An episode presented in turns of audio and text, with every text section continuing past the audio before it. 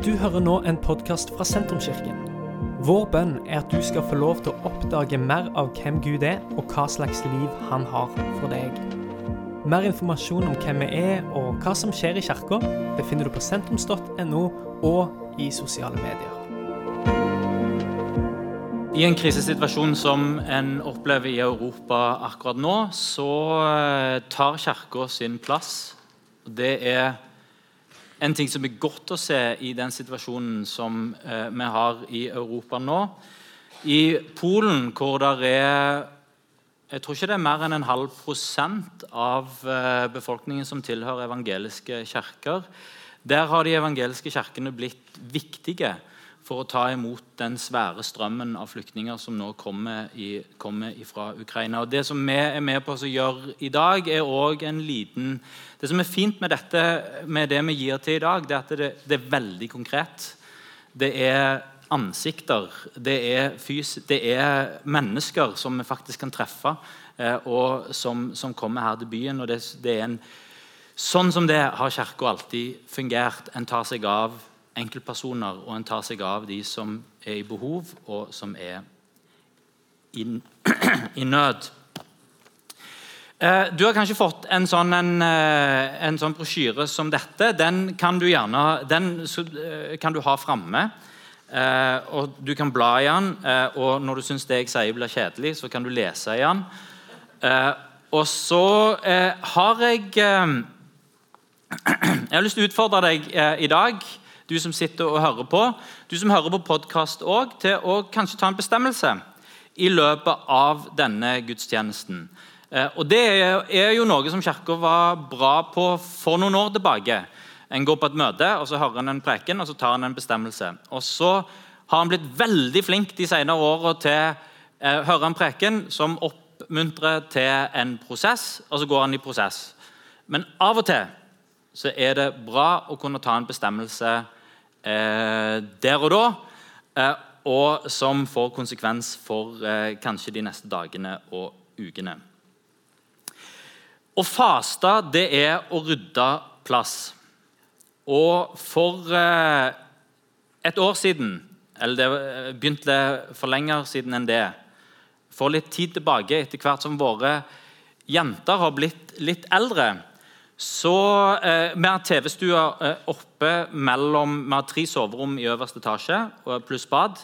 Eh, der er vårt soverom, og der er jentene sine soverom.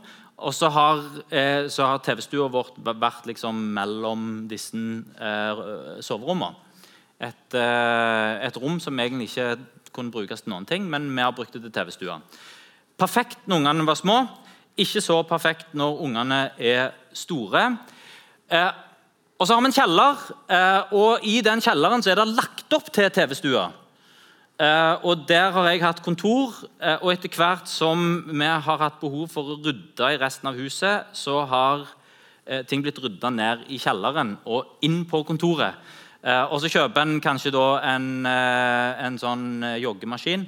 Og så Hvor skal den være? Jo, den går inn der òg. Og så til slutt så er det bare masse ting i hele kjelleren. Eh, og så ser vi behov for TV-stua, eller kjellerstua. Ehm, for å lage kjellerstua i, eh, i heimen hos oss så er ikke utfordringen hvordan skal innrede kjellerstua, TV-stua. Utfordringen er hvordan rydder jeg plass for kjellerstua, TV-stua. Eh, det betyr prosjekt. Det betyr, eh, det, betyr det, det, er ikke nok med ei helg. For meg så gjelder det ferie. Eh, det betyr snekre huller. Eh, og eh, denne sommeren, så etter først å ha hatt ferie, og det begynner å nærme seg at en skal tilbake igjen fra ferien, så skjedde det. Opprydning i kjelleren. Eh, så eh, snekre huller etter Steffen-oppskrift og få alt inn i system. Eh, gå gjennom alt, kaste noe, gi vekk noe, selge noe. Og når den jobben er gjort, ja, men da er rommet tomt. Da kan en gjøre jobben med å innrede kjellerstua, TV-stua. Det er ikke så veldig vanskelig. Det er å kjøpe en sofa, sette opp en benk eh, og så få på plass eh, en TV, og så er jobben gjort. Jobben var å rydde i kjelleren. Døperen eh, Johannes sitt oppdrag var å forberede vei for Frelseren. I Markus 1,2 så står det at jeg sender min budbærer foran ditt ansikt. Han skal bane din vei for deg. Og i vers 3 Forbered veien for Herren og gjør hans stier rette. Før Jesus kommer, og i evangeliene så ser en at det er en ryddejobb som begynner før Jesus kommer. Det er en vei som lages før Jesus kommer gående. Før Jesus kommer, så rydder en vei, så forbereder en vei. Og fasten har den jobben. Nå går vi inn i fastetid. Eh, den begynner vel sist eh, den, den, begynte nå på onsdag. Eh, det er derfor vi har fastelavnsbolle, fordi en skal feite seg opp før fasten begynner.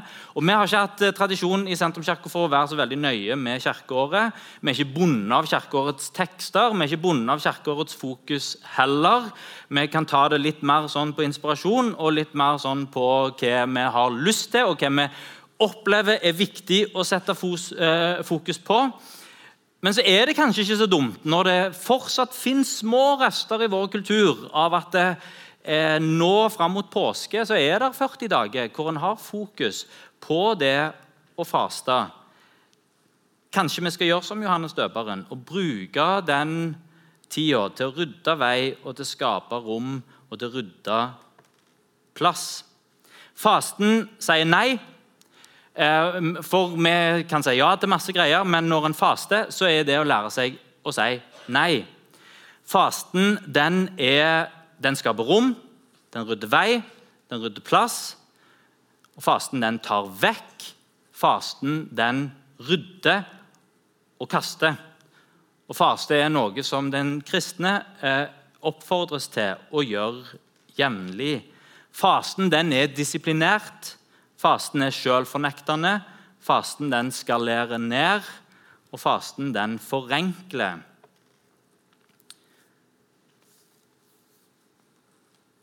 Og Det å faste er kanskje litt som å rydde i kjelleren. Du trenger litt tid for å få det gjort. Det er ikke gjort på ei helg. En trenger kanskje flere kvelder. Eh, og det er en fokusert eh, ryddejobb.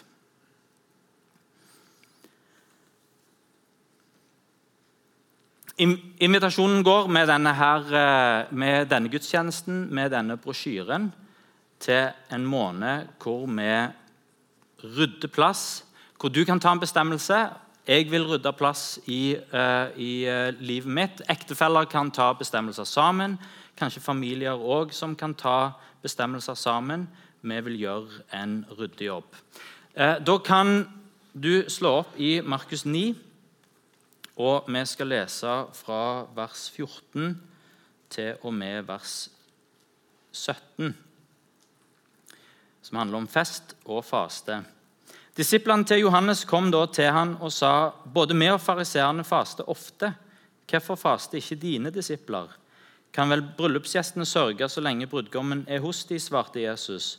Men det skal komme en tid da brudgommen blir tatt fra dem, og da skal de faste. Ingen setter en lapp av ukrympa tøy på et gammelt klesplagg, for en slik lapp vil rive med seg et stykke av plagget, og riften blir verre. Man fyller heller ikke ny vin i gamle skinnsekker, for da revner sekkene, vinen renner ut, og sekkene blir ødelagt. Nei, en fyller ny vin i nye skinnsekker, og da blir begge deler bevart. Hvorfor skal en faste? Jesus sier at en faste når brudgommen blir tatt bort. og Faste henger derfor sammen med både sorg og den henger sammen med lengsel. Eh, Jesus' sine disipler de får refs fra Johannes døperen sine disipler fordi de ikke faster. Eh, ikke bare at de ikke faster, men de fester. Eh, og spiser og drikker vin og danser og er glad. Eh, og eh, Da kommer da dette spørsmålet hvorfor, hvorfor faster ikke dine disipler. Jesus? Hvorfor, hvorfor gjør de ikke det? Eh, Jesus sier at de har brudgommen hos seg. da trenger de ikke faste. Når han blir tatt vekk, da skal de faste. Med andre ord så er faste et uttrykk for lengsel over noe som ikke er, lengsel etter noe som skal komme. De trengte ikke faste, for de hadde Jesus der. Fasten peker mot det som skal komme. Når mesteren er vekke, når Jesus er vekke, da skal de faste. Eh, Johannes døperen eh, sine disipler de var en ryddegjeng. Det var det som de hadde lært av sin mester. Gjør rydd en vei, eh, gjør rom for. Opplært i dette. Derfor så fasta de jevnlig. De var disiplinerte. Eh, og Ut ifra Johannes eh, sitt budskap så passer dette bildet sammen. Johannes han snakket om omvendelse, han snakket om å, om, om, om å gjøre de rette gjerningene. Eh, og det, en, kan, en kan jo få ut av det som Johannes prekte, at forstå at hans disipler og han sjøl var flinke og disiplinerte til å faste. Og hvordan faster en? En faster tradisjonelt fra mat. Eh, og Noen tenker kanskje at når en faster fra mat, så, eh, siden det er en åndelig øvelse, så skal den føre med seg masse gode følelser. Eh, og Så tester en dette ut, og så faster en. Kanskje det er litt som å være på et lovsangsmøte. Kanskje det er litt som å ha en stillestund på et fint fjell og se på utsikten. Eh, kanskje det som å høre på lovsangsmusikk og meditere på et bibelvers. Eh, men så faster en, og så faster en kanskje en hel dag. Og så klarer en ikke å tenke på Gud, en tenker bare på hamburger. Eh, og så er det ikke en intense åndelig opplevelse å faste ifra mat. Faste gjør deg sulten. Det å faste gjør at du tenker på mat. Og Faste gjør at det kan bli til og med vanskelig å tenke på Gud. Den sulten minner deg om at mennesket lever ikke bare av brød, men mennesket lever av hvert ord som kommer ut fra Gud sin munn. Når vi kjenner på den sulten, når vi kjenner på den lengselen etter mat, så skal det minne oss om lengselen vår etter Gud, og at vi trenger Han. Og at vårt behov for Gud er større enn vårt behov for mat. At vi trenger Han mer enn kroppen trenger mat. Faste er ikke en sånn godfølelse-ting, men faste er en disiplin. Og Disiplin er en del av etterfølgelsen av Jesus, og disiplin er noe som trengs å øves opp. Og Hvis du legger nøye merke til ordet disippel ordet disiplin, så er det ganske Det er nesten det samme ordet. og faktisk Hvis du går til ordboka, så vil du se at det har samme roten, og det kommer fra samme stedet. Disiplin kommer ut av en disippel. En disippel, en etterfølger, en som har disiplin. Å faste skaper ikke bare bevissthet om Gud og gjør rom for ham, men det skaper òg hjelp oss til å ha disiplin. I Matteus 6, eh, eh, skal vi se, Matteus 6, 1 til eh, Matteus 6, 16-18 sier Jesus, når dere faster, skal dere ikke gå med dyster mine, sånn som hyklerne. De forsømmer sitt utseende for at folk skal se at de faster. Sannelig sier dere, de har alt fått sin lønn. Men når du faster, skal du salve hodet, vaske ansiktet, for at ingen skal se at du faster. Ingen andre enn din far som er i det skjulte, og din far som ser i det skjulte. Han skal lønne deg. Og Jeg har lyst til å, eh, at du skal se dette nøkkelordet her når dere faster. Ikke hvis, men når hva skal dere gjøre da? Jo, da skal dere være oppmerksom på å ikke trekke oppmerksomhet til dere sjøl for, for, å få ære fra andre mennesker. Og eh, Hvordan var det på Jesus' i tid? For de som var disiplinerte, eh, så var det to faste fastedager i uka. Så en visste på en måte at det, om det var mandag, tors, mandag og torsdag, eller om det var Eh, om det var tirsdag og fredag, det er jeg ikke helt sikker på, men det var to av ukedagene. Da fastet en. Eh, og da var det noen som var opptatt av å, se, av å sette på en eh, litt sånn ynkelig mine og se veldig sulten ut for å vise hele omgivelsene at det ser. I dag er det fastedag, og jeg er med på det. Jeg faster. Jesus han sier det er ikke poenget med fasten. Det er ikke for å få noe ære fra mennesker, ikke for at du skal bli sett på som et åndelig menneske. Det er noe som du gjør for deg sjøl og for Gud, og som Gud ser, og som bygger opp din disiplin, og som rydder vei for Gud i ditt liv, og som er med, og som er kobla til ditt forhold til Han. Jødene fasta fast, fast faste to dager i uka. De kristne gjorde det samme og hadde to dager i uka hvor en fasta. Eh, og Det er det helseguruer som inviterer til å gjøre eh, nå, fordi det er sunt for oss. Kroppen trenger pause, kroppen trenger detox. Eh, kanskje, ikke, kanskje, ikke, det er sunt hvis du drikker masse kaffe den dagen, men i fall hvis du drikker masse vann, så renser kroppen seg når en faster. Vi har lyst til å invitere til det nå i mars. Du som har lyst til å være med, sette av to dager i uka hvor jeg faster. Du kan gjøre det én uke, du kan gjøre det to, du kan også gjøre det tre uker, du kan gjøre det hele perioden. Bare husk Jesus sine ord. Vi gjør det for Gud og ikke for mennesker. Så kommer det to lignelser etter at Jesus har sagt dette om eh, Han har sagt dette om å eh, om, eh, om, at faste det, er, og det skal en gjøre når, eh, når, brudgommen er vekke. Eh, så snakker han om å lappe tøy og om vin i skinnsekker. En skal ikke ha ny vin i gamle skinnsekker, fordi da blir sekken ødelagt og vinen går til spille. Istedenfor skal en ha ny vin i nye sekker. Og Dette kan jo mene mange ting, og jeg har hørt mange prekener om dette. Eh, men de færreste av disse prekenene har satt det i kontekst av å faste. Men det er her Jesus snakker om at en ikke skal ha ny vin i gamle sekker. Ny vin i nye sekker, sier han rett etter at han har snakket om å faste. Og Noen bibelkommentarer, de, eh, bibelkommentatorer eh, tenker at dette handler om at kristne ikke trenger å faste så mye som en gjorde før. Det som iallfall er sikkert, er at dette handler om å gi nye rammer for evangeliet og for det som, Jesus, eh, det som er Jesus sitt budskap. Eh, og kanskje kan en si at vi kan finne nye måter å faste på. At faste ikke bare trenger å være faste fra mat. En kan se på fasten med et større blikk. Det er uansett ikke feil, og det er flere og flere som gjør det i vår tid. En kan faste fra Og hvordan kan en gjøre det? En kan faste fra travelhet og fra produksjon. Eh, det kan vi se i 5. Mosebok, vers 5, kapittel 5, og vers 12-15. Moses gjentar de ti bud. Og så kommer han til budet om sabbaten, om hviledagen. Sier han, du skal gi akt på sabbatsdagen og holde den hellig, slik Herren din Gud har befalt deg. Seks dager skal du arbeide og gjøre all din gjerning, men den sjuende dagen er sabbat for Herren din Gud. Da skal du ikke gjøre noe arbeid, verken du eller din sønn eller din datter, verken din slave eller din slavekvinne, verken oksen eller eselet eller noe annet av dyrene dine eller innflytteren som bor i byene dine, slik at slaven og slavekvinnen skal få hvile de som du.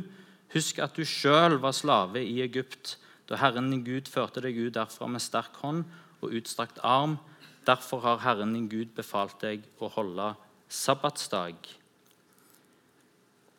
De ti bud blir gjentatt i 5. Mosebok kapittel 5. Og alle budene er like, unntatt sabbatsbudet.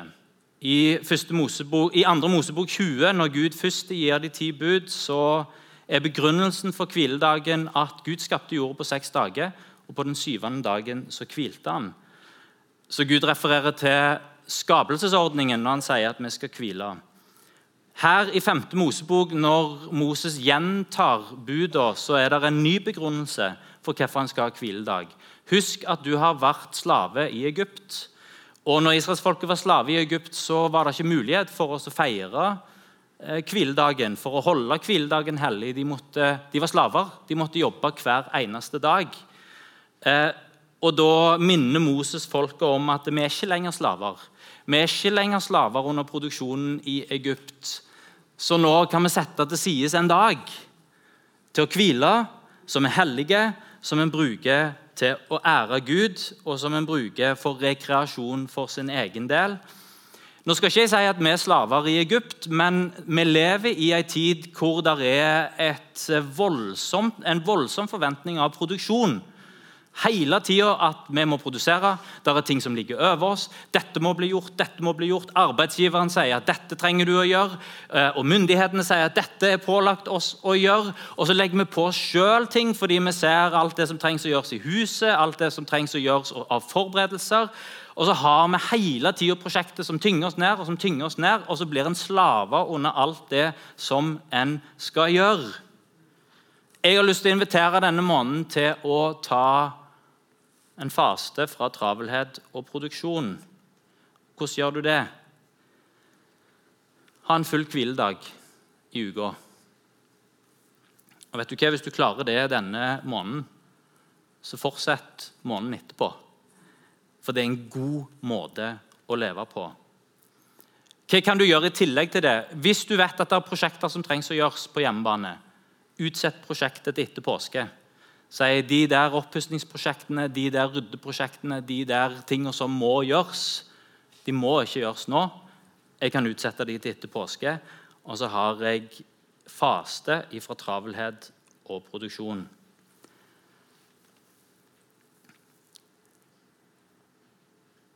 Hvordan kan vi faste? Vi inviterer til en fasting fra shopping og materialisme. Kjøpestopp i mars. Og eh, Da kan vi lese fra Matteus 6.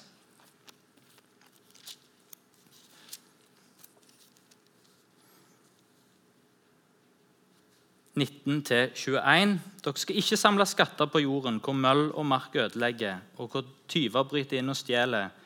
Men dere skal samle skatter i himmelen, der verken møll eller mark ødelegger, og tyver ikke bryter inn og stjeler. For der skatten din er, der vil òg hjertet ditt være. Jesus sier at pengene våre, skatten, er kobla sammen med hjertet vårt. Og her er invitasjonen. Hvem en måned med kjøpestopp? Der det som en handler denne måneden, er nødvendige dagligvarer. Solveig prekte om materialisme for to uker siden.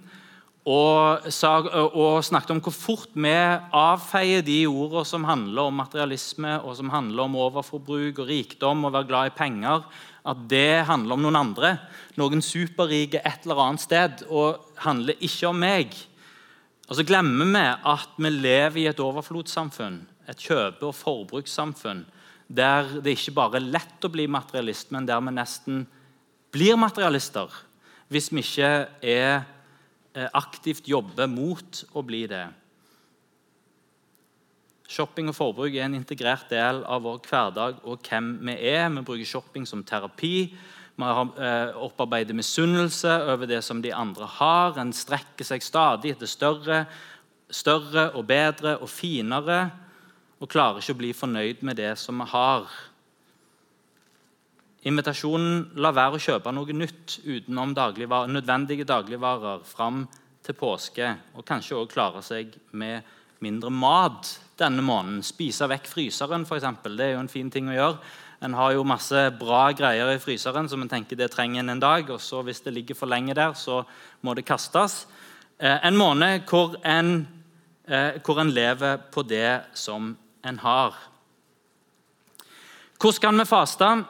En faste fra skjerm og fra underholdning. Jesus han drog ut i ødemarka hvor det var stille. Der dro han ut for å be og for å søke Gud. Og Hvis du har vært på gudstjeneste eller hørt podkast nå i februar, så vet du at dette har vært fokuset vårt. Den stillheten den handler om to ting. Den handler om stillhet rundt deg, og så handler det om stillhet inni deg. Og Noen ganger så henger det sammen. Hvis en klarer å få støy vekk rundt meg, så kan det òg bli stille i meg når det blir stille i meg, så betyr det kanskje ikke så mye at det er masse bråk rundt meg. Eh, så det å søke stillhet Jesus snakker i Matteus 6 om et bønnested, et sted hvor det kan være stille. Han sier når dere ber, skal dere ikke gjøre som hyklerne.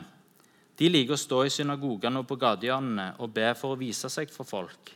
Sannelig sier dere, de har alt fått sin lønn, men når du ber, så skal du gå inn i rommet ditt og lukke døra og be til din far som er i det skjulte, og din far som ser i det skjulte, han skal lønne deg.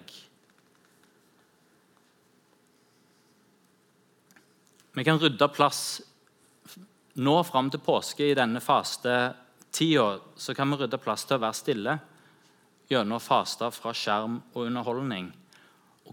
Kanskje er det denne som stikker aller dypest i vår hverdag. Eh, for å få det stille rundt oss, for å finne oss et bønnested, så trenger vi kanskje først og fremst å få det stille i oss. Eh, og rydde vekk skjerm og underholdning. Når jobben er gjort, når skolearbeidet er gjort, ja, men da legger jeg skjermen min, da legger jeg telefonen min, da legger jeg laptopen min vekk. Eh, og så kan vi jo selvsagt finne forskjellige måter å gjøre det på. Kanskje går det an å faste fra skjerm fra ettermiddag fram til frokost dagen etterpå. Eh, kanskje skal en faste fra all skjerm. Kanskje skal en bare legge vekk telefonen. Hva er de tingene som skaper bråk og som skaper støy for oss? Stadig underholdning, stadig nyheter, stadig oppdatering på hva de andre driver på med, stadige debatter og meninger. Kanskje bilder av et finere liv. Alt dette her skaper støy for oss og gjør oss travle i hodet. Hva med å, ta en måned nå hvor en rydder? Rydder plass. Tar en detox tillater at det blir stille rundt deg, tillater at det blir stille i deg, og rydder plass for, rydde plass for Jesus disse ukene. I Matteus 6, 7-13, så fortsetter Jesus å undervise hvordan vi skal be. Sier, når dere ber, skal dere ikke ramse opp ord sånn som hedningene gjør. De tror de blir bønnhørt ved å bruke mange ord. Vær ikke lik de. For dere har en far som vet hva dere trenger, før dere ber han om det. Sånn skal dere da be. Vår Far i himmelen. La navnet ditt helliges, la riket ditt komme. La viljen din skje på jorda slik som i himmelen. Gi oss i dag vårt daglige brød, og tilgi oss vår skyld, sånn vi òg tilgir våre skyldnere. Og la oss ikke komme i fristelse, men frels oss fra det onde. For riket er ditt, makten og æren i evighet. Jesus han lærer oss å be Egentlig er det litt rart, for han sier når dere ber, skal dere ikke ramse opp masse ord. Og så, eh, Sånn som hedningene gjør. Eh, og så Rett etterpå så sier han når dere ber, så skal dere ramse opp ord. Altså han gir en, Her er det en ramme for hvordan en kan be. Her er det faktisk ei bønn som du kan lese høyt. Og I tradisjonelle kirker så er en kjempeflinke på dette. Til å lese bønner til å lære seg bønner utenat, til å kunne ha et andagsliv der en leser fra en bønnebok. Og I våre type menigheter så er vi fryktelig dårlige på det.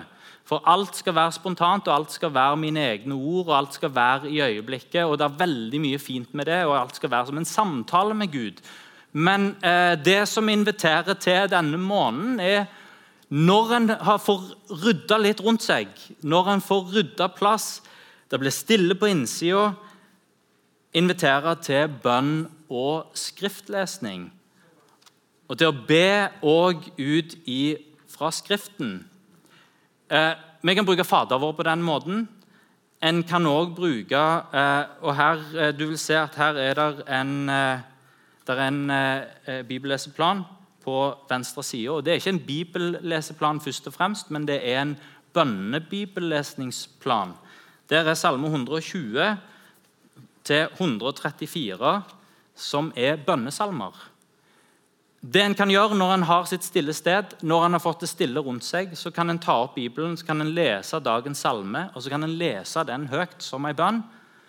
Og når en er ferdig med å lese den høyt som en bønn, så kan en fortsette å be i samme si, tone av den salma. Og Så gjør en det den ene halve måneden. Eh, 14 salmer. Eh, og så er resten av bibelleseplanen er, eh, er forskjellige kapitler henta fra Bibelen som er med og forbereder oss for, for, påske og det som skal skje eh, i påsken.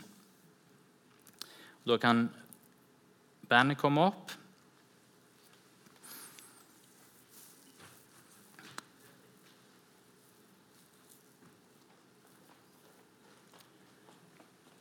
Og så har jeg lyst til å oppmuntre oss alle sammen til å søke Gud for en konkrete ting i fasten. Jesus han forteller en lignelse om ei, eh, eh om ei gammel enke som plager en dommer. Eh, hun har opplevd urettferdighet, går til dommeren. 'Hjelp meg til min rett.' Eh, og Dommeren han vil ikke høre på henne til å begynne med, men hun gir seg ikke og banker på og banker på. og banker på eh, igjen og igjen og igjen og igjen til dommeren sier ja, men jeg må bare gi hennes, hennes rett, for hvis ikke så kommer hun bare til å fortsette å plage meg. Så sier Jesus at han oppmuntrer oss til å be, be til Gud med utholdenhet. Og hvor mye mer skal ikke Gud høre og lønne den som ber til Han med utholdenhet? Og Hvis vi får den der ryddejobben nå denne måneden og rydder vekk tid Rydder vekk litt travelhet og produksjon og nødvendighet av å hele tida måtte produsere Får det litt stille i oss og får det litt stille rundt oss, finner dette bønnestedet, setter oss ned med Bibelen og har faktisk tid til å lese noen, bønn eh, noen bønner og fortsette å be og søke Gud. Kan vi òg ha en ting denne måneden som denne tingen her skal jeg søke Gud for. Gjør, og det trenger ikke bare være én ting, det kan være flere ting. Tenk så fint hvis konflikten i Ukraina kan, Det kan jo være en av de tingene som vi søker Gud for denne måneden. Men kanskje er det òg noe personlig for meg og for min familie. Skriv det ned og ha det oppe i løpet av denne måneden.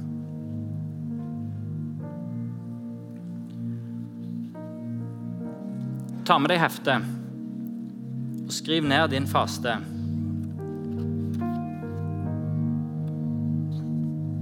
Skal du være med å faste fra mat? Skal du være med å faste fra produksjon og travelhet? Skal du være med å faste fra materialisme? Og være med å faste fra skjerm? Finne ditt bønnested? Og ha litt tid hver dag hvor en er stille? Hvor han leser fra Bibelen, og hvor han søker Gud.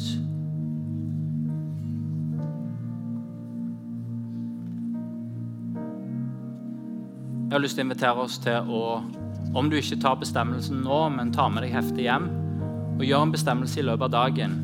Hvis du trenger litt mer tid enn det, så i løpet av morgendagen. Snakk sammen med ektefellen for den som er gift. Bli enige om en faste som en kan gjøre sammen.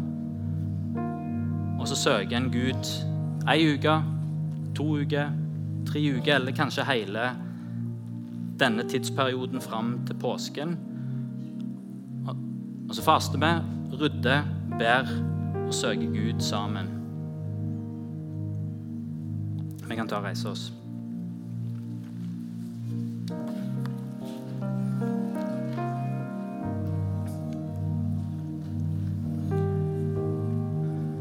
Takk, Herre Jesus, at du hører oss når vi ber, Herre. Du ser hjertet vårt når vi søker deg. Jeg ber Herre for den måneden vi går inn i nå. Jeg ber Herre om at vi kan få lov til å rydde livet vårt, Herre. Rydde vekk støy. Rydde vekk noe travelhet. Og jeg ber om at du møter oss på vårt bønnested, Herre. At du møter oss når vi søker deg, Herre ber Herre Jesus om at dette kan få bli en måned hvor vi kan høre fra deg, hvor du snakker til oss, Herre. Og jeg ber Herre om at du svarer oss, Herre, og du gir oss det som hjertet vårt lengter etter.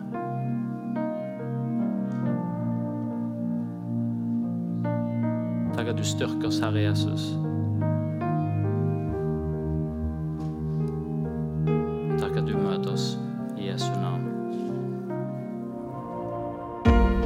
Er slutten på denne podkastepisoden. Har du spørsmål om Jesus, om tro, om livet, så er du hjertelig velkommen til å ta kontakt med oss via sentrums.no.